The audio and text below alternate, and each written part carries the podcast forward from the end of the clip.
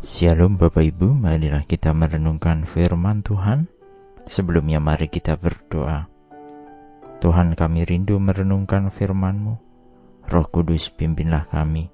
Di dalam Tuhan Yesus kami berdoa. Amin.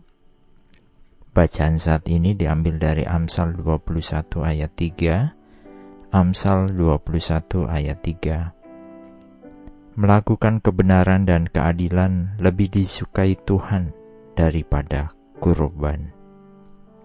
Memaknai kurban dalam bacaan saat ini adalah persembahan yang diberikan manusia kepada Tuhan.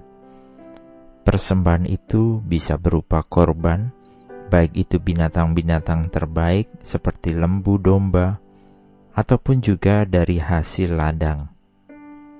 Kita bisa membacanya di dalam Perjanjian Lama, khususnya di dalam Imamat. Persembahan tersebut antara lain adalah persembahan bakaran, persembahan sajian, persembahan keselamatan, persembahan penghapusan dosa, dan persembahan kesalahan. Setidaknya ada lima jenis kurban atau persembahan.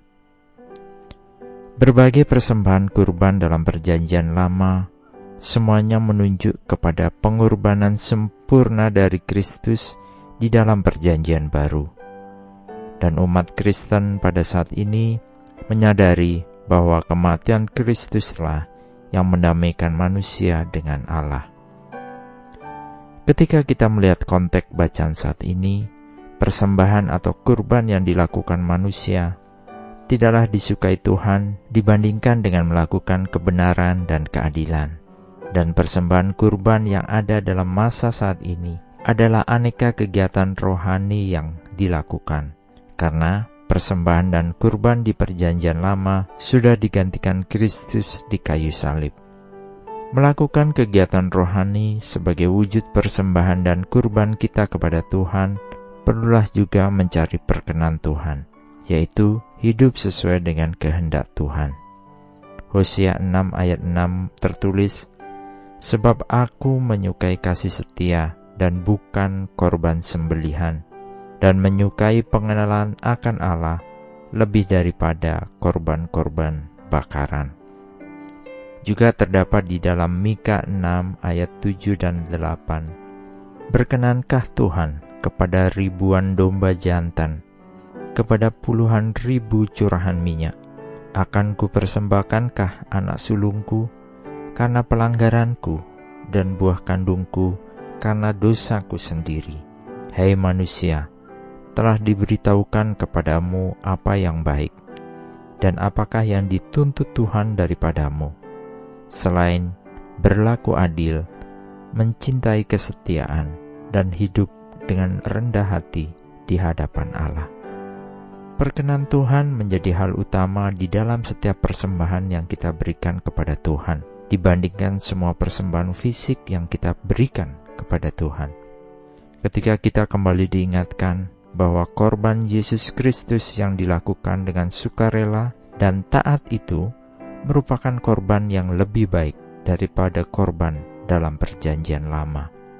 Kita pun hendaknya mau mempersembahkan sebagai teladan Tuhan kepada umatnya yang percaya Kristus.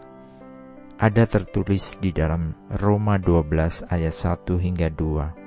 Karena itu, saudara-saudara, oleh kemurahan Allah, aku memohon kepadamu, supaya kamu mempersembahkan tubuhmu sebagai persembahan yang hidup, yang kudus, dan yang berkenan kepada Allah. Itulah persembahan rohanimu. Kekudusan dan perkenan Tuhan penting kita lakukan sebagai persembahan kita, termasuk di dalamnya adalah melakukan kebenaran dan keadilan marilah kita terus memberikan persembahan kepada Tuhan. Dan pemberian yang dipersembahkan kepada Tuhan haruslah disertai dalam hidup yang kudus. Jika tidak, semuanya itu menjadi kekejian bagi Tuhan. Amin. Mari kita berdoa. Bapa Surgawi terima kasih untuk pengorbanan Tuhan di kayu salib sebagai persembahan penebusan kami dari dosa. Kami rindu juga untuk meneladani Tuhan dalam memberikan persembahan, yaitu persembahan hidup kami bagi Tuhan. tolonglah kami untuk dapat hidup berkenan bagi Tuhan. Di dalam Tuhan Yesus yang menolong kami, kami senantiasa berdoa. Amin. Tuhan Yesus memberkati. Shalom.